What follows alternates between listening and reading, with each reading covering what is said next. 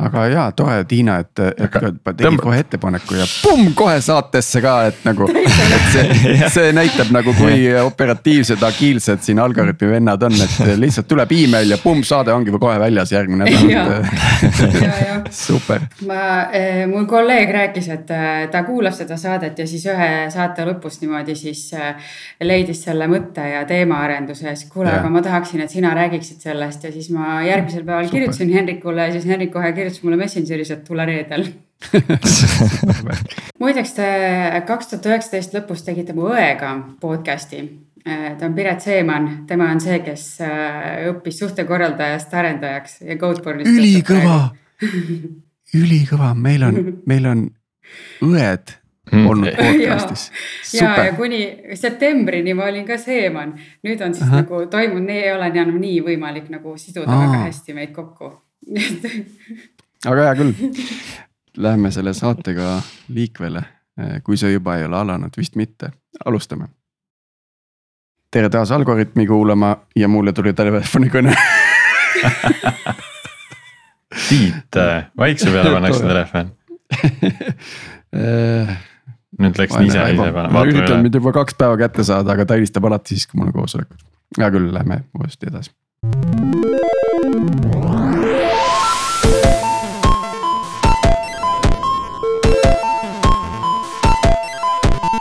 tere taas Algorütmi kuulama, on kahekümnes jaanuar ja eetris on meie saja viieteistkümnes episood ja mina olen Tiit Paananen Veriffist ja koos minuga on salvestamas nagu ikka Priit Liivak Nortalist ja Martin Kapp Pipedrive'ist. no nii härrased, et äh, siin detsember on oma jälje meie ellu jätnud ja kõik oma elektriarved kommunaalid kätte saanud, et äh, mis mulje siis on, et. Äh, et kuidas siis, kuidas siis möödus see detsember ei, mina ei saa kurta nagu. sa oled fikseeritud paketi? ei ole, võib-olla, ma ei tea, meil on siin ah., äh, ma tean, et, äh, et ühistule kuulub ka üks alajaam. ma, ma arvan, et see on päris hea nagu, et sa oled nagu omanik otsast et siis on, siis on tõesti hea jah ja, et... kuidas Martin sul on, sa jäid ellu või? Äh, no kui ütleme niimoodi, et, et tavalistel aegadel, ega ma ei ole väga tähelepanu pööranud nendele elektriarvetele, siis äh, pärast viimast kuud ma vist ei taha ka uuesti neid vaadata. ja, jah, rohkem ei taha ka tähelepanu pöörata rohkem ei taha ka vaadata jah. las nad olla seal. Ok, aga hea küll äh,, tegelikult meil on täna saade ja see saade on Algorütm ja siin saates on meil külaline ja tänane külaline on meil Tiina Sakkos ProExpertist kellega me siis räägime ähm, jah, ülemuste vabast kultuurist võib-olla kõige täpsem. tere, Tiina ja, ja räägi ja natuke endast ja saame kuulajatega tuttavaks sinuga. tere, tore on siin olla.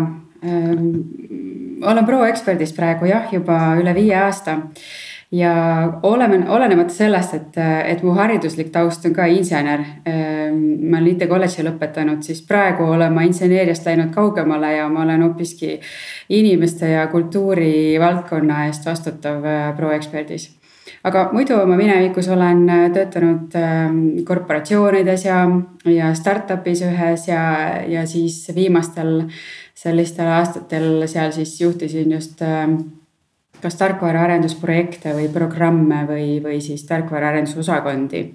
ja nüüd siis äh, pros sellises ähm, juhtide vabas või ülemuste vabas kultuuris on siis äh, minu tee viinud mind hoopiski arendusest ähm, inimesteni mm..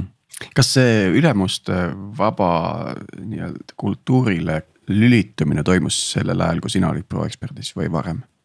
See toimus mõned aastad varem ja ma Aha. olen kogunud sealt siis selliseid äh, huvitavaid legende ja, ja selliseid äh, noh, arusaama siis selle kohta, et miks see üldse toimus ja mm. nii edasi, et. et okay. seda ma kahjuks ise niimoodi äh, vahetult vahendada ei saa, aga, aga teiste siis sõnade läbi küll jah. aga see ehk sealt olekski hea alustada, et mis seda tingis, seda, seda muudatust, mis, millest see nagu, miks? no võib-olla alustan natuke kaugemalt, et äh, Pro on tegelikult äh, ju Eesti kohta päris vana ettevõte, üle kahekümne kaheksa aasta vana. ja, ja vahepeal siis on ProExperdi ajas, ajaloos olnud ka aeg, kui äh, ta kuulus ühele Taani korporatsioonile, Danfossile. Enamus osalus oli siis nende käes ja, ja väiksem osalus siis äh, alustajate ja osanike käes ja juba sellel ajal ähm, siis kuskil kahe tuhande kümnendate alguses äh, tuli tarkvaraarendusmaailmasse ja ProExperti samamoodi selline agiilne kultuur hästi sisse ja, ja see hakkas seda muutust nagu ühest küljest juba drive ima, et, et, et noh, ei ole seal enam ülemus, kes sulle annab task'e, vaid siis noh, põhimõtteliselt seal tiimis ju ise inimesed valivad, kes teevad mida ja täiendavad teineteist ja see kultuur ja. Mindset on ju ühes agiilses tiimis hoopis teistsugune kui siis tavalises sellises waterfall'is ja, ja see siis viis sinnamaale, et aastal kaks tuhat kolmteist veel sügaval Danfossi ajal proekspert kurtus ennast siis juhtide vabaks. Ähm, noh, ma ise arvan, et see ülemuste vaba on võib-olla nagu parem termin, sellepärast et mm, -hmm. et mhm. isegi praeguses organisatsioonis meil on ikkagi ju.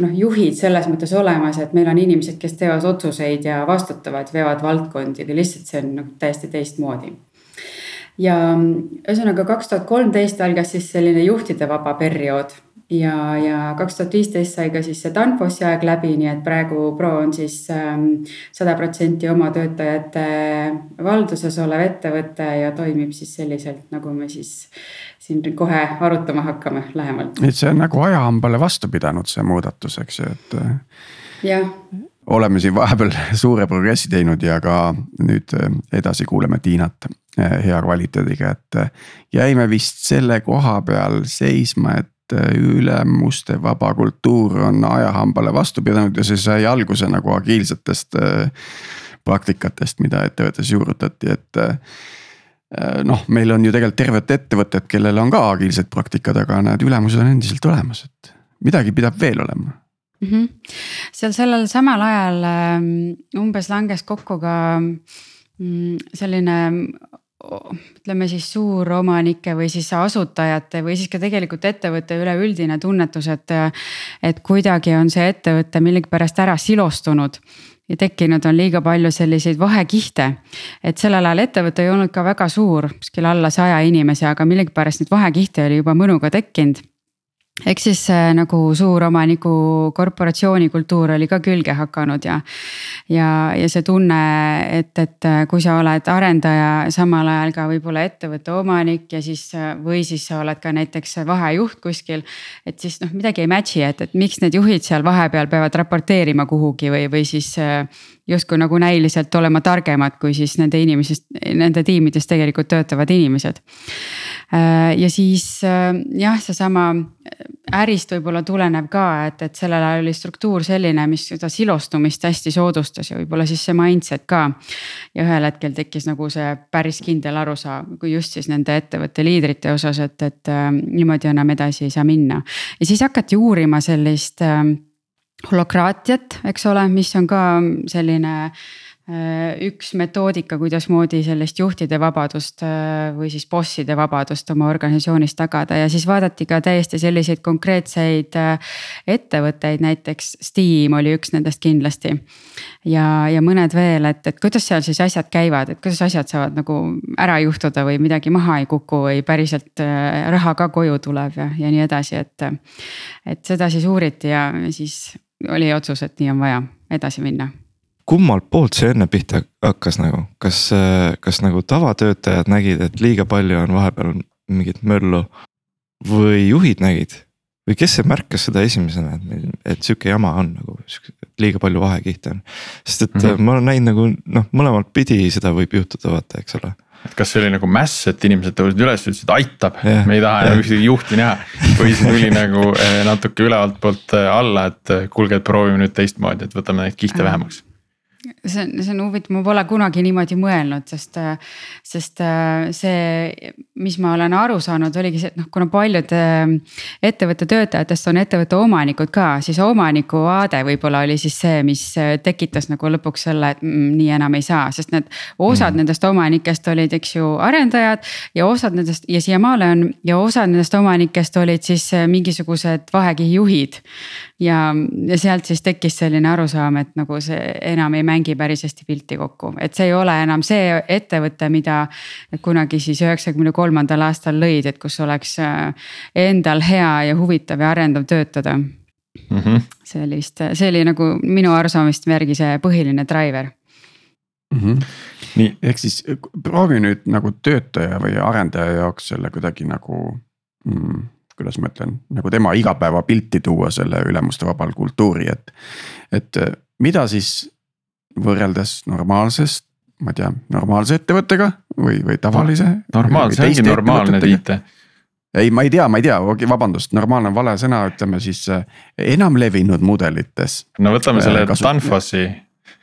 jah, et, et mis siis on see nagu töötaja jaoks erinev, et mis, kuidas see kogemus erineb? Just nagu arendaja jaoks. just, et noh, mis enne oli ikkagi, oli see, et, et olid alluvad ja ülemused, mis juba võib-olla siis sellises mindset'is või suhtumises tagab selle, et keegi vaatab kellelegi ülevalt alla ja keegi vaatab kellelegi alt ülesse. et on sellised võimu ja hirmu positsioonid, noh, kui utreeritult öeldes. no see on ähm, siis sellel juhul, kui on halvad juhid, siis võib tekkida selline olukord, eks ju, headel juhtidel ei tohiks seda väga tekkida. No eks ta tegelikult ikka on, et kui sa oled kellegi suhtes võimupositsioonil, eh, siis. või sa oled kellegist sõltuv, sõltuvus on ikkagi, eks ju, jah, et ja, sa tema meelevallast teatud mõttes, eks ju, jah ja. mm. -hmm. et see ei pruugi tähendada ju otsest hirmu, aga võib-olla nagu mhm. sihukest noh, mingit teist tunnet ikka, et ähm, et ähm, ütleme Danfossi ajal siis jah, või noh, igasuguses korporatsioonis on ju niimoodi, et, et sul tulevad ülevalt alla tulevad siis äh, käsud ja alt ülesse tuleb raporteerimine. ja, ja, ja siis sa pead nagu tegema siis nii, nagu siis on öeldud, et on vaja teha, et kui noh, minul on sellised huvitavad korporatsiooni kogemused ka olnud, et kui kuskilt.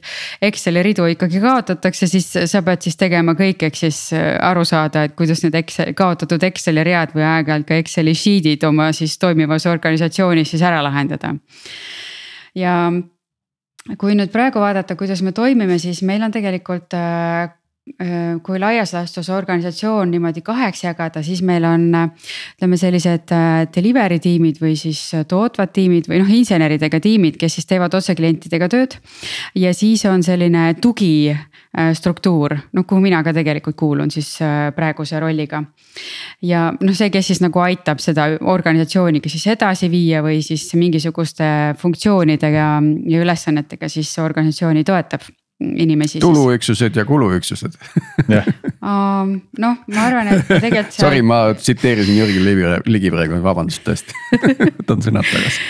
ja ma arvan, et see tulu oleks väiksem, kui, kui, kui meie oma tööd ei teeks. absoluutselt, absoluutselt, tulu ei saa tekkida. Siis, äh, siis äh, kui nüüd vaadata seda Äh, delivery organisatsiooni, siis seal on meil tiime päris palju, kuskil kakskümmend, kolmkümmend, võib-olla isegi rohkem, ausalt öeldes ma peast ei teagi. et noh, see on selline muutuv suurus ka, mis, mis muutub. Mm, ja meil on selliseid kliente, kelle jaoks me teeme ühe tiimiga tööd, on selliseid kliente, kelle jaoks me teeme kuue-seitsme tiimiga tööd ja igal tiimil on siis tegelikult äh, selline koosseis, mis katab ära noh, sellised vajalikud rollid, sõltuvalt siis äh, sellest kliendist, sõltuvalt sellest töö iseloomust, mida nad teevad, et noh, tavapäraselt seal on ikkagi olemas product owner ja. ja, ja mm, insenerid, noh arendajad loomulikult äh,, QE-d kui vaja, siis analüütikud lisaks juurde, noh nii nagu see. selline klassikaline, klassikaline cross-functional tiim, kus on kõik. jah just. kõik et, rollid et olema, sealt autonoomselt toime tulla. just ja siis seesama tiim teeb ise otse koostööd kliendiga, et seal vahel ei ole nagu mänedžere või juhte, kes siis seda kuidagi suunaks et igalühel seal tiimis on ju oma roll, eks ju, et kui on tegemist product owner'iga, siis tema peakski vaatama nagu seda tootepilti, eks ju, et mis nüüd juhtuma hakkab, kuidas see backlog lahti kirjutada äh,. kuidas see kõik noh, ütleme siis normaalsed asjad kliendiga koos kokku leppida, mis puudutab seda toote pilti ja kui äh, vaadata teisi rolle, siis teised rollid lepivad siis oma kokku, et, et seal ähm, võib olla mõni siis vanem insener, kes seda teeb või analüütikud või. või et mida nad siis tehnilises mõttes lahendama hakkavad ja seal vahel ka siis ei ole selliseid äh, ähm, juhte või, või ma ei tea, projektijuhte või, või siis, äh, või siis mingisuguseid vaheastme juhte. kes, kes saadab, kes saadab kliendile arve välja? Äh, selle jaoks on meil hoopis oma roll, meil on olemas selline roll ka nagu äh, kliendihaldur. ja tema ülesanne on siis äh, sellist kliendisuhet ähm, hoida, arendada siis kliendi poolt vastavate inimestega ja ja muuhulgas siis ta korjab ka nagu tunnid kokku ja teeb sellest arve või sprindid kokku ja teeb sellest arve, sõltub siis mudelist. mida ja... ma nagu kuulen, on see, et, et, et kõik tegelikult tegelevad sisulise tööga. jah, seda küll. jah, ehk siis kas, kõik nagu. kas see rõõmustab sind, Tiit? see mind väga rõõmustab, seepärast et see annab väga hea töö nagu nii-öelda rahulolu. kui sa saad midagi teha nagu reaalselt ise teha, eks ju mm. -hmm. ja kui ma nagu niimoodi mm, lühidalt räägin sellest, mida me, mida me seal ülejäänud organisatsioonis siis teeme, mida on noh, selgelt vähemus kogu sellest, kogu sellest äh, inseneride kambast, siis äh, noh, seal on erinevad funktsioonid, mis meil on vaja ära katta, raamatupidamine, turundus, müük, meil siis kindlasti ka people ops ja kultuur ja sellised valdkonnad samuti. ja, ja seal, kuidas me toimetame, seal on siis enamasti niimoodi, et igal funktsioonil või ma ei teagi, kas niimoodi nimetada funktsioonideks või valdkondadeks, vahet ilmselt ei ole. et seal on oma liider kokku lepitud kes siis äh, oma äh, kas, kas siis, kui seal tiimis on veel inimesi, siis tegutseb nendega selleks, et, et mingid eesmärgid kinni püüda või, või mingi tavaline operatiivne töö ära teha. või siis, kui see inimene on üksi, siis ta leiab majast mõttekaaslasi, kellega koos asju ära teha. nüüd äh, see, see küsin ära selle küsimuse, kus, mis ma enne tahtsin juba võtta. et, et sa oled siin päris mitu korda äh, maininud just seda äh, ülemuste vaba, mis ei ole juhtide vaba ja kui me nüüd sellest, sellest rollidest rääkisime, et, et noh, tiimis ikkagi mingi selline juhtiv roll on olemas, et kas on siis noh, tiimijuht, kui mitu tiimi, siis on ju vaja tegelikult ka nende tööd koordineerida. Ku-, kuidas see, kuidas sa seda nagu erisust näed või tajud, et, et, et see just on ülemuste vaba, mitte juhtide vaba, et mis siis on selle ülemuse ja juhi, juhi, juhi vahe? Mm, mm, kui on mitu tiimi, kes teevad ühe kliendi jaoks tööd, siis meil tavaliselt seal ei ole kedagi, kes koordineerib seda, sest tiimid ise omavahel peaksid selle koordinatsiooniga ka hakkama saama mm. -hmm. aga see tähendab, et näiteks... ikkagi igas tiimis on, on siis nii-öelda üks tiimijuht, kes. või siis, kui on kuus tiimi, et siis kolmkümmend inimest omavahel suhtlema panna, see on natukene riskantne see sõltub rollist ja vastutustest, eks, et kõik ei pea omavahel suhtlema, et kui äh, tiimis on ühe inimese ülesanne olla näiteks arhitekt. siis äh, noh, see on tema ülesanne ja ta saab äh, oma rollist lähtuvalt asjad teistega kokku leppida, on see siis tema oma tiimis või on see siis tema tiimist väljas. või et kui kellegi ülesanne on olla analüütik, ähm, siis samamoodi ta teeb seda kokkulepet siis oma tiimis ja tiimist väljas ka samamoodi nagu vaja. et noh, meil ei ole nagu sellist jah, mingisugust ei tehnilist ega nagu mingeid projekti koordinaatoreid aga kes siis seda tiimi juhib, et kui see on nagu Scrum tiim, kas see on siis Scrum Master või, või on see mingi vahelduv roll selles mõttes, et ikkagi nagu noh. keegi ju alati tekib nagu sinna ülespoole, eks mm -hmm. ole, et nagu, kellele vaadatakse otsa või, või, või et eh, kuidas see nagu tuleb siis?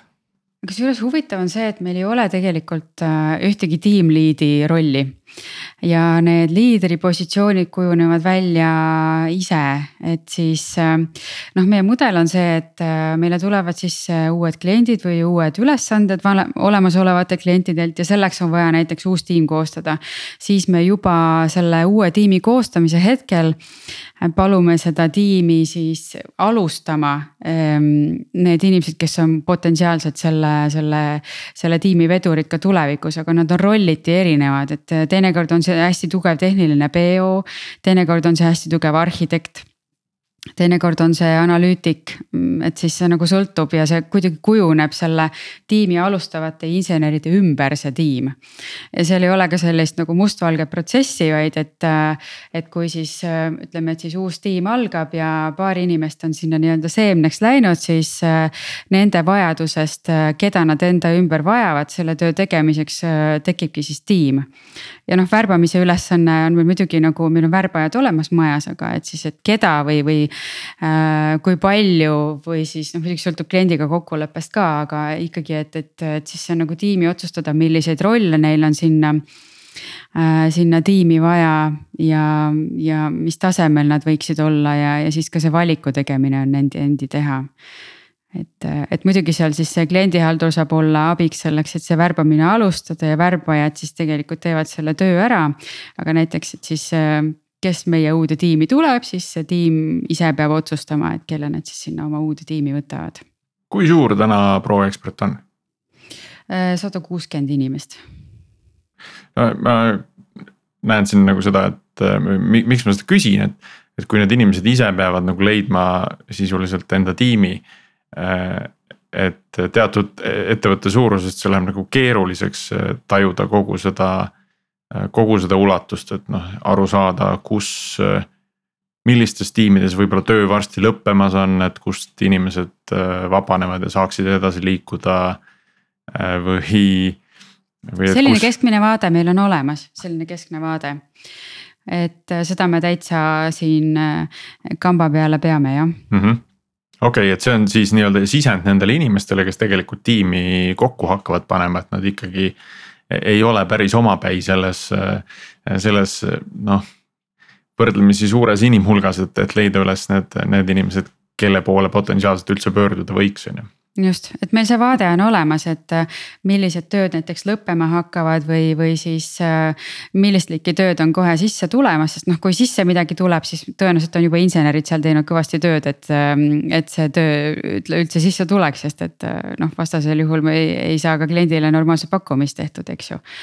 et, ähm, et, et noh, ütleme, et siis kogu selles vaates, et kes meil parasjagu olemas on ja keda meil vaja on ähm, sinna vaatesse sisendid tulevad siis erinevatest kohtadest ja enamasti nende kliendihalduritelt, kes siis äh, seda pilti ka omavad, et mis see kliendi pikaajaline vaade selline on mm.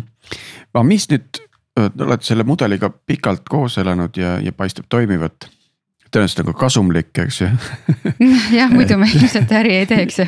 just on ju, et, et ja, ja inimesed püsivad ja, ja, ja liikuvus või on, on voolavus, kaadrivoolavus on pigem väiksem, et noh, hästi paindlik, hea, mugav, mõnus.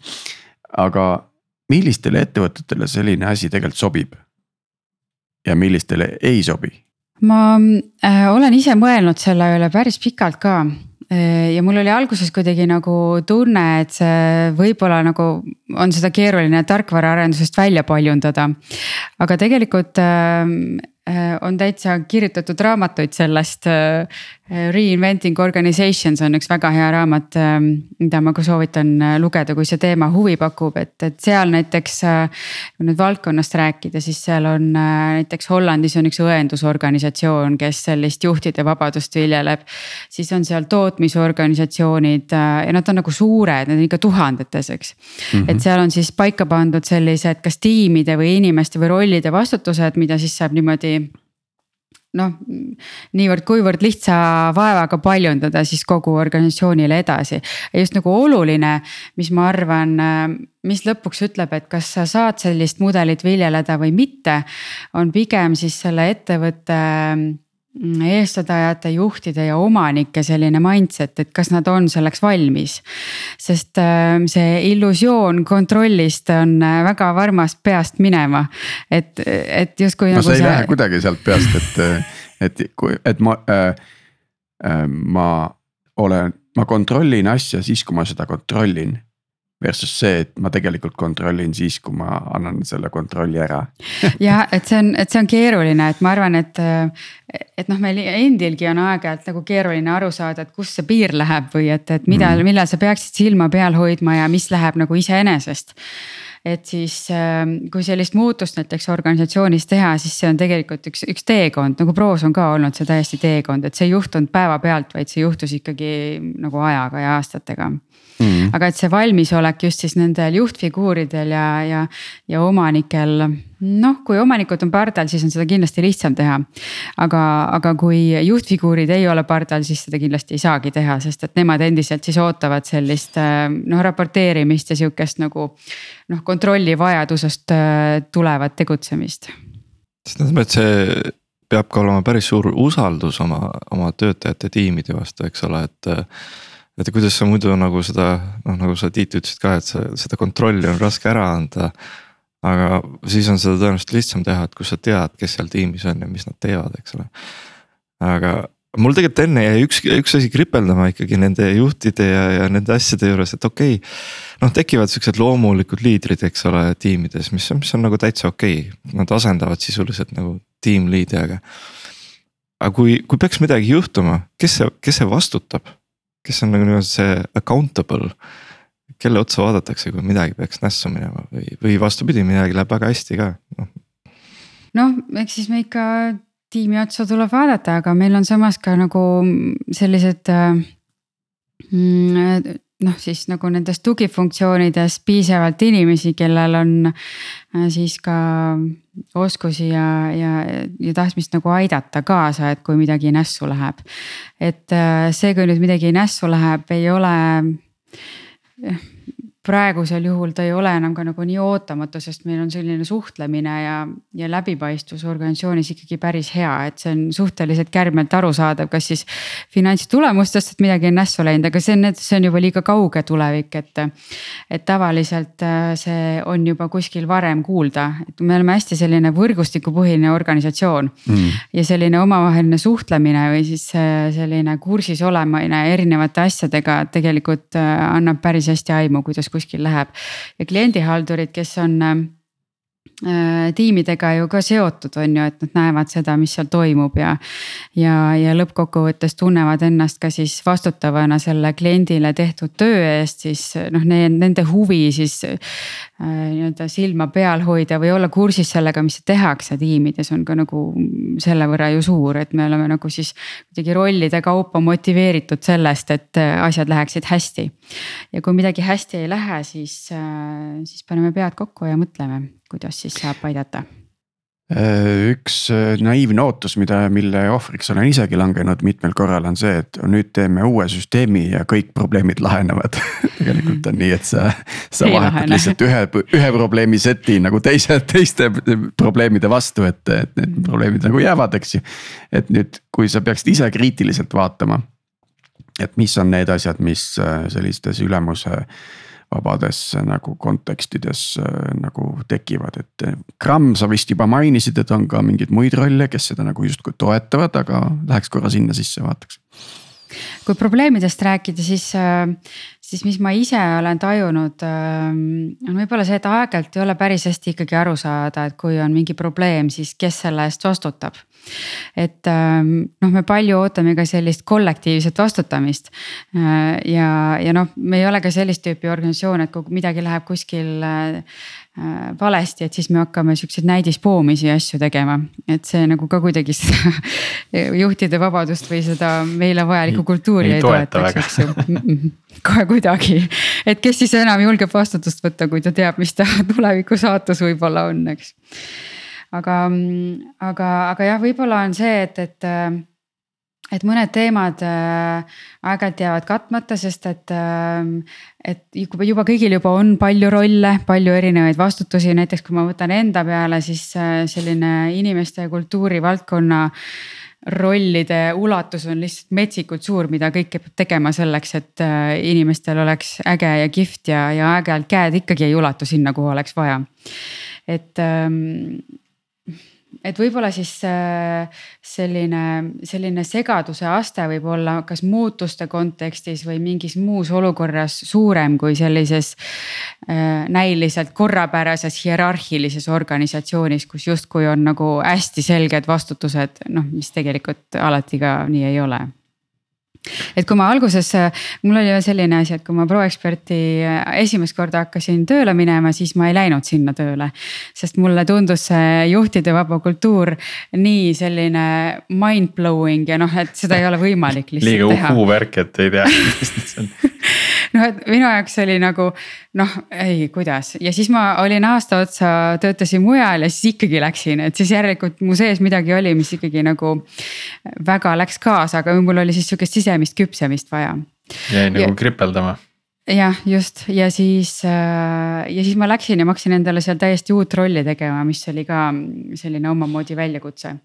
aga üks asi võib-olla veel, et äh, mis on selliseks riskikohaks, et äh, kui äh, mingil põhjusel või teisel organisatsiooni tulevad inimesed, kes näiteks selle kultuuriga ei sobi hästi.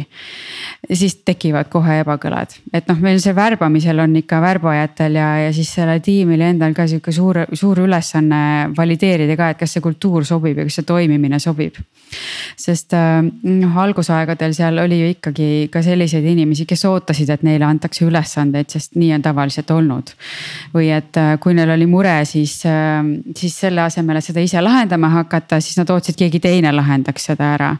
et, et see on äh, noh, inimeste faktor selles lihtsalt mm -hmm. peab töötama, muidu ei ole võimalust. ja, ja veel halvem on, kui isegi ei tõsteta seda kätt püsti, et mul on mure, vaid oodatakse, kuni keegi tuleb küsima, et kas sul on, kas sul on muresid ka aga et kui seda ei tule, et siis, siis ongi. aga ma just tahtsin ka sama kommenteerida, et ja et, et see, see värbamise poole peal, eks ole, et, et teil on, et, et seal on just seda sorti inimesed, kes on nagu ise väga proaktiivsed nagu mingites asjades, eks ole, et kes võtavad ise seda. et nad tahavad mingeid asju teha, et see on nagu, see natukene meenutab äh, Pipedrive'i sama, samamoodi mingeid aegu, kus me olime tegelikult ka umbes sama suured võib-olla, sada, sada viiskümmend inimest. kus hästi palju äh, progressi ja uusi ideid tuli ka tänu sellele, et tegelikult inimestel oli nagu vabadust. Äh, neid asju teha, nagu sa ise ütlesid, et sa tulid omale uut rolli looma. sellepärast, et sa võib-olla nägid, et see on ka vajalik, eks ole. ja, ja kui, kui on sedasorti inimesed, siis see on kindlasti nagu väga, väga, väga äge, isegi kui ei ole juhte nagu või ülemusi, ütleme niimoodi, eks ole, et see annab nagu hästi suure võimaluse inimestele ise nagu midagi ka nagu korda saata, ma tunnen, ma kujutan ette. kohe tuleb sihuke huvitav väike paradoks, et eh, kas selline ülemustevaba kultuur äkki ähm, viib selleni, et meil on palju ühesuguseid inimesi tööl, kes mõtlevad samamoodi. mis eh, justkui pealtnäha võiks olla ideaalne olukord, aga tegelikult heterogeensed tiimid, kus on erinevad arvamused, nii edasi, on nagu tegelikult palju elujõulisemad. et, et. -hmm, ma seda ei arva, et kõik peaksid ühtemoodi mõtlema. Äh, pigem võib-olla nagu see väärtuste kiht peab olema sarnane all, aga seal peal siis äh, seda erinevat toimimist on meil ka küll ja veel nii ja mul on veel üks äh, selline hästi praktiline mõttekoht, et. et kui need tiimid on, on võrdlemisi autonoomsed ja inimesed ise tegu, tegutsevad, et kust, kust tulevad sellised suuremad initsiatiivid, et äh, noh, ma ei tea, mingid, mingid täiesti nagu laiemad teemad, et äh, arendajate levelid ja, ja, ja mingid palgatasemete teemad ja et. noh, et kui palju on, okei okay,, võib-olla palgatasemed on halb teema, sest see läheb nagu sinna HR-i rohkem, aga, aga samas no, võtame mingid, sellepärast et kes ütleb tiimis, kui ülemust ei ole, et jah, kui, kui ülemust ei ole, et kes teeb palgavestlusi mm? -hmm. no sellest võimegi rääkida. kes jah teeb promotion eid väga praktiline probleem, aitäh, Martin äh, meil noh, selles mõttes, et äh, promotion on meie kontekstis üldse selline veidikene tundmatu äh, kontseptsioon, sellepärast et Äh, meil ei ole palgatasemed seotud mitte nagu selle leveliga, et sa oled nüüd arendaja kolm või arendaja viis, vaid et äh, palga, palk on tegelikult seotud sellega, et, et mil, milline tagasiside su tiimilt tuleb. ehk siis meie palgavestlust või ütleme siis palgaprotsessi äh, alus, aluseks on see, et, et äh, iga, iga tiimi kohta me teeme tiimikaardistuse. ja seal siis äh, sellised seenior arendajad või siis äh, tugevamad tegijad panevad nagu sihukese mapping'u paika, et milline see mänguväljak on, et kes on sellised tugevad tegijad. kellel on, läheb juba päris hästi kes on siis juuniorid, keda on vaja nagu kaasa aidata. ja seda siis ähm, me teeme siis kõikide tiimide kohta niimoodi kas seal seda mm. riski ei ole, et, et mulle, mulle Tiit ei meeldi, Tiit norib minuga igas episoodis ja siis ma panen ta kuskile madalama leveli peale, et mm. -hmm. no see map imine toimub mitme inimesega selleks, et just seda äh, selliseid situatsioone vältida mm -hmm. ja kuskil kaks-kolm inimest äh, oma tiimist annavad siis tagasisidet, pluss siis veel äh, kliendihaldur kõrvaltvaatajana, mida ta näeb aeg-ajalt oleme veel küsinud kuskilt, äh, noh, kui näiteks äh, mingil põhjusel tiimist jääb vähem anda inimesi tagasisidet. et siis tekib nagu selline Äh, üle mitme inimese, üle mitme vaate selline noh, ütleme siis mänguväljaka plats koos kommentaaridega. et siis me ei kogu ka seda nii, et kuule, et pane ta kuhugi siia lahtrisse, vaid et, et jah, visuaalselt me teeme nagu joonistame noh, ütleme sellise platsi.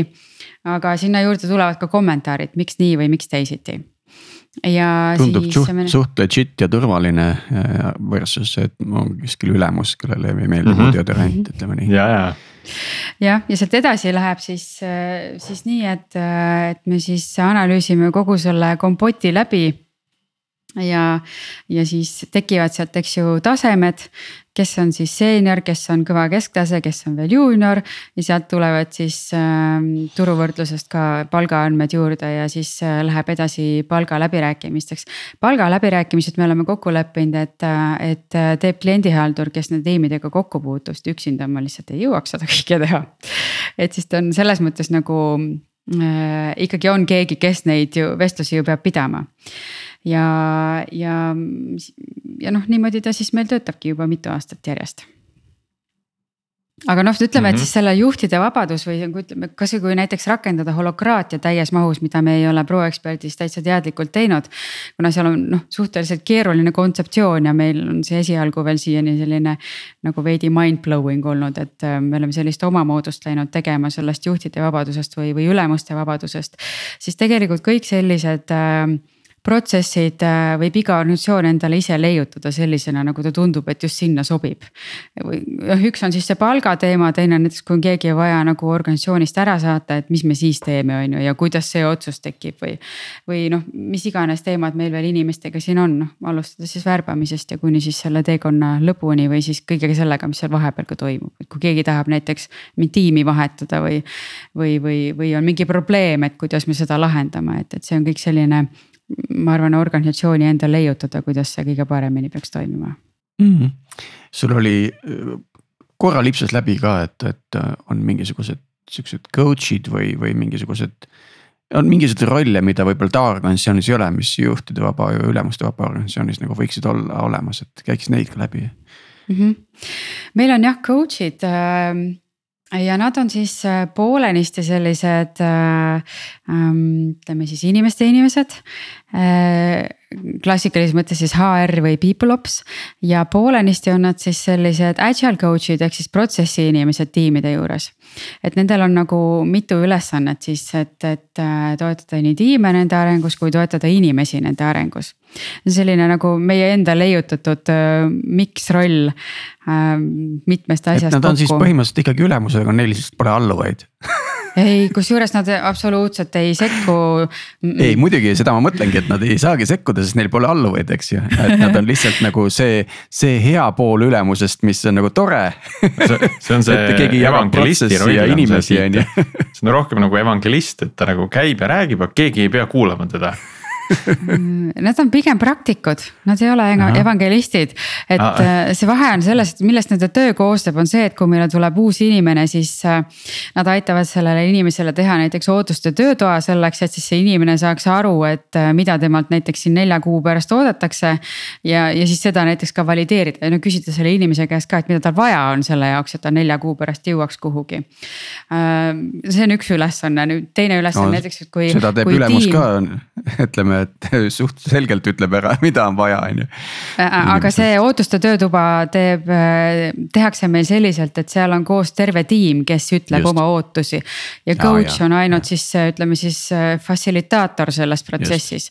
et ta paneb need siis kirja, et see inimene teab seda ja siis koos noh, tiim siis tegelikult saab vahendi, millega siis ähm, katseaja jooksul näiteks jälgida, et kuidas selle inimesega meil läheb ja kui tuleb selline. katseaja selline lõpetamise tagasiside andmine, mida jälle see coach siis fassiliteeritult korjab, kas siis laivis või siis, või siis kirjalikult, et siis oleks millegi vastu võrrelda ja, ja kui näiteks meil alustab äh, uus tiim, siis seal samamoodi tehakse kick-off'e, eks ju, et, et siis, aga seal noh, ta samamoodi on nagu siis fassilitaator selles olukorras, et, äh, et, et siis aru saada, mis need kliendi ootused on, mis selle tiimi endi ootused on, mida nad üldse tegema hakkavad, mis on rollid, kuidas kokkulepped tehakse ja nii edasi. ja sealsamas on siis äh, Need coach'id meil ka ühed nendest, kes teevad arenguvestlusi, ehk siis sellist personaalset arengut toetavad või siis täitsa rahulikult teevad ka selliseid äh, märkamisi, kui kellegagi on midagi halvasti või. või, või siis äh, kui näiteks keegi mm, noh, tiim näiteks otsustab, et neil on üks inimene, kes noh, nendel piisavalt hästi kuidagi ei klapi tiimi või oskused on millegipärast, mis kuidagi ei jõua järele sellele tiimi ootustele, siis on see ka nagu just selle coach'i fassiliteerida see olukord, et see ära laheneks. kui palju neid, neid inimesi organisatsioonis on? meil on neid kolm üks viiekümnele laias laastus jah. no umbes nii jah Mm -hmm. et eh, noh, see, see nagu välistab ka kohe selle, et, et keegi saaks kellegi ülemuseks hakata, pluss siis juba need nagu tööülesanded ka, et eh, need on ja, ikkagi jah. sellised toetavad ja fassiliteerivad. ma mõtlesin pigem, pigem sedapidi, et noh, see, see, see suhtarv ei saa väga suur ka olla, et muidu see inimene lihtsalt ei jõua kõikide mm -hmm. tiimide ja kõikide inimesteni, et, et see ülesannete loetelu oli ikkagi päris pikk, mis sa lugesid ja, ja pluss veel see, et osad tiimid äh, on otsustanud, et nendel on näiteks äh, Scrum Master'id oma tiimis sees. ja siis on agile coach'iga võimalik lihtsalt põrgatada nagu mõtteid, et kuidas või mida edasi teha või milles need probleemid on ja kuidas lahendused on, et. et meil osades tiimides täitsa Scrum Master'id on nagu kellegi teise, ütleme see roll on siis mingisuguse arendaja kanda tavaliselt siis sellisel juhul see ikkagi kõlab sihuke päris huvitavalt, et see, et see ülemuste funktsioon, ütleme nagu tavafirmas. et see tegelikult on nagu olemas, aga ta lihtsalt on hajutatud erinevate inimeste peale, et ta ei ole koondanud nagu ühte isiksusse nagu. nagu meil siin, et see ülemus peab oskama olla nii inimeste inimene kui tegelema palkadega one-on-one idega ja, ja siis ka vastutama lõpuks kõige eest, eks ole. no Martin, ka teil on coach, coach'i roll olemas täitsa ja, ja, ja kusjuures me oleme nagu aga, püüdnud välja yeah. jätta selle, selle nagu selle noh meie jaoks nagu ebavajaliku kihi, mis puudutab sellist äh, nagu kontrollimist ja raporteerimist näiteks. et, äh, et noh, kõik tegelevad mm -hmm. ikkagi sisulise tööga, et keegi ei ole lihtsalt äh, noh, positsiooni pärast juht, vaid et noh, tal on ikkagi mingisugune sisuline ülesanne mm. -hmm. aga näiteks, kuidas te tagate selle, et, et mingid kohustuslikud elemendid kõikides kontodes tehtud saavad? noh, võtame äh, ütleme turvaauditi läbimiseks on, on eeldus see, et, et kõik, kõik kontod teatud tegevusi oma, oma projektides teevad. et seal ikkagi mingi baastase oleks tagatud, et kust, kust see baastase tuleb või kuidas, kuidas seda tagatakse? Eks see tihtipeale nagu ongi nendesamade seemneks olevate alustajate, inseneride ülesanne ka see kvaliteet äh, seal tagada ja noh, et see nii ongi, ma ei saagi öelda, et tihtipeale, vaid et see nii ongi jah. et see kvaliteedi, kvaliteedi vastutus on kindlasti tiimi endi, enda sees mm. -hmm. aga et sellist äh, definitsiooni, et mis see baastase on, noh kannavadki need, need inimesed edasi, kes, kes siis pikalt on organisatsioonis olnud praegu nii jah, meil on muidugi mõtteid, kuidas seda teha teisiti või, või, või paremini või süsteemsemalt, aga noh, sellega me alles hakkame tegelema. Martin, tahtsid midagi lisada? et tahtsin küsida jah, et, et kas ütleme niimoodi, et noh, need nagu need tugi või kore või ma ei kujuta ette, kuidas, kuidas neid inimesi nimetada, aga. kas need põhiisikud, sihuke võtmeisikud on, kuidas nemad omavahel neid asju nagu ajavad, kas kohvinurgas või on selleks ka mingisugune nagu protsess, et kuidas nagu erinevate siis tiimide või sihukest, kuidas see infovahetus toimub, kuidas see selliste põhiasjade nagu formuleerimine. Martin, kas, kas, kas sa mõtled nüüd näiteks, et kuidas need, kuidas need coach'id äh, selle äh, people operations'iga infot vahetavad või kuidas need tiimid äh, tiimide sisemine info liigub. ma just mõtlen, et tiimide sees, et võtame sellesama turvanäite, eks ole, et, et kui, igas tiimis peaks olema see täidetud, et kuidas, kust, kust see tekib, et kust see initsiatiiv on või kes on see läbiviija, et, et, et see kindlasti et see infovahetus. kuskil tiimis avastatakse mingisugune probleem, mis võib olla ka relevantne teiste mm. tiimide jaoks näiteks, et noh, siis. see on selle tiimi vastutuseks, et äh, seda kogu maailmale kuulutada nii-öelda noh, tegelikult nii on, aga infovahetus meil käib nagu päris paljudes erinevates kohtades, eks ju need äh, ühe kliendi jaoks koos töötavad tiimid kindlasti vahetavad omavahel infot, sest noh, muidu sa ei saagi koostööd teha, siis äh, kliendihalduritel on oma selline kooskäimisfoorum, kus nad räägivad, jagavad siis seda, et mis kuskil on toimunud või kasvõi siis seda, et, et. et äh, millised projektid kuskil ära lõpevad ja, ja kuidas projektidel üldse läheb ja, ja nii edasi. ja mis puudutab seda tugiorganisatsiooni, siis äh, meil on tegelikult olemas ka selline tiim nagu governance tiim, ehk siis äh, see on äh, siis ettevõttes erinevate äh, valdkondade vedajad, noh, mina olen ka osa sellest, et seal on meil näiteks siis äh, ka ettevõtte tegevjuht ja, ja operations'i juht ja et siis ähm, mm -hmm. ja äriarenduse lead ja, ja delivery lead samamoodi, et, et siis seal tekib nagu sihuke ettevõtteülene info jagamine ja samamoodi me näiteks sellesama seltskonnaga. noh, me ei ole ju ka erinevad teistest, kellel on vaja näiteks eelarveid koostada ja forecast'e jälgida, et, et siis business unit lead idel. kelleks siis oleme juba meie, kelle ma nimetasin, aga samamoodi meil on äriüksuste lead'id olemas, kes tavaliselt praegu meil on ka siis selle kliendihalduri ülesannetes, et et siis see roll äh, business unit lead jälle kätkeb endas seda, et sa sellise rahalise poole eest vastutaksid, plaane teeksid ja, ja seal äh, siis ka tulemuste, tulemusi kommenteeriks ja, ja, ja seda poolt teeks. Ja, ja mis puudutab ettevõtte üleüldist eestvedamist, siis äh, meil on olemas ju ka ettevõtte strateegia, meil on olemas äh, plaanid aastaks ja kolmeks aastaks ja seda me siis sellise strateegiatiimiga oleme vedanud, kus on ka olnud palju erinevaid inimesi, et. et see on nagu üks meie omapära, et kui me hakkame ettevõttes mingisugust kursimuutust kas arutama või, või tegema või brainstorm ima, siis äh, see, seda ei tehta nagu näiteks ainult äh, governance tiimiga, vaid seal on ja, palju selliseid erinevaid äge osapooli koos. ja, et sul ongi, äh, ongi see koht, kus, kus äh, ei, see, see ei lähe nagu by default nagu sinna mingite direktorite lauale, vaid et ei. see kuidagi ja nagu on orgaanilisem. tulema seest, eks ju, ja eriti kui mm -hmm. tegemist on äristrateegiaga, mida me just äh, nüüd eelmisel aastal uuendasime, siis siis äh, enamus sellest strateegiatiimist olidki meie kas kliendihaldurid või, või mõne teise nimega äriarendajad, et. et, et kelle panus sinna siis kõvasti nagu sisse läks, et, ähm, et noh, sellist asja on meil ikkagi vaja nagu stiirida, aga ta ei ole siis nagu sellise pisikese tuumiku tehtav, vaid et seal on siis.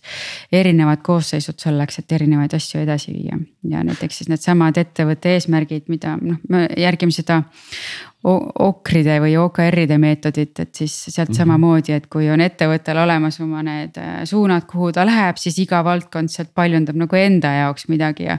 ja noh, me ei tee ka nagu valdkonnapõhiseid OKR-e või siis järgmise perioodi eesmärke, vaid et siis, kui meil on üks OKR, siis tavaliselt peavad nagu mitmed sellesse panustama, et ta nagu üldse täide saaks viidud. et see tagab nagu sellise koosloomise ja koos pingutamise ka. kas nüüd äh Äh, mul, mul on kaks küsimust lausa, et kas, kas täna on ka rahvusvahelisi tiime kuskil teiste, teiste geograafiatega koostöös? Mm -hmm. meil on äh, osad inimesed, kes ei tööta Eestis. okei, äh, aga nad on ikkagi peamiselt nagu Eesti päritolu. ma pigem mõtlesin nagu selles valguses, et kas siin oled kohanud ka selliseid kultuurilisi eripärasid, noh, et kus, kus teatud riikides ongi selline hierarhiline kultuur väga nagu tugevalt juurdunud. ja minu teine küsimus on sellega seotud, et kas klientide näol ei ole seda nagu ette tulnud, et.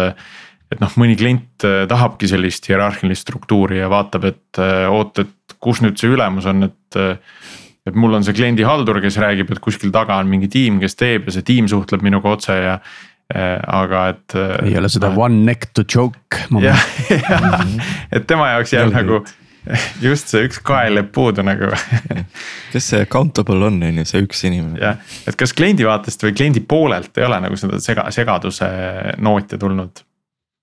ei, selles mõttes, et meil nagu erinevad rollid suhtlevadki erinevate inimestega kliendi poolelt ka, et noh, tavaliselt mm -hmm. need. Äh, kas siis C-level inimesed või, või kuidas nad iganes ennast organisatsioonides on defineerinud, et siis äh,.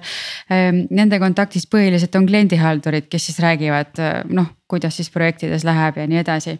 ja siis äh, seesama projektimeeskond äh, või siis tellija sealt kliendi poolelt suhtleb tiimiga. et ähm, noh, see nagu tagab siis selle ka, et, et siis klient tellija näol, kui kuidagi noh, ka lühisesse ei lähe. ja muidugi, kui me nagu koostööd juba tegema hakkame, siis osa meie pakkumisest juba kätkeb seda, et, et me oleme natukene sellised teistsugused, et äh, me tahame, et tiim otse teeks äh, koostööd ja selliseid mänedžer'e vahele väga ei vaja.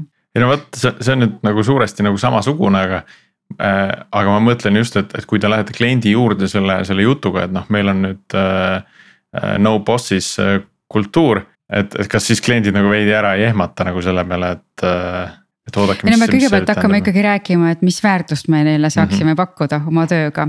ja kui asi läheb juba konkreetsemaks, äh, siis, äh, siis me räägime, kuidas me toimime, kuidas meie tiimid töötavad. no me seal igal juhul noh, ma ei teagi, kas on vajalik rõhutada, et meil ei ole bosse ja meil ei ole ülemusi. et võib-olla mõne kliendi puhul äh, on seda tehtud just selle koostöövõtme jaoks vajalikult, et aeg-ajalt, noh meil on üks klient praegu, kes just sellesama niši pärast tahab meiega koostööd teha, et, ähm, et äh, neil on omal sarnane kultuur. Et siis sinna rõhutada on seda muidugi mõistlik ja mujale me lihtsalt räägime, kuidas me toimime ja tavaliselt see ei ole tekitanud sellist äh, suurt paanikat. küll aga noh, ma ei saa öelda, et iga kliendiga on seda nagu lihtne või, või lust ja lillepidu teha, sest et äh, on ikka selliseid organisatsioone või siis, või siis ka selliseid inimtüüpe, kes vajavad hästi sellist kontrolli ja ohjamist.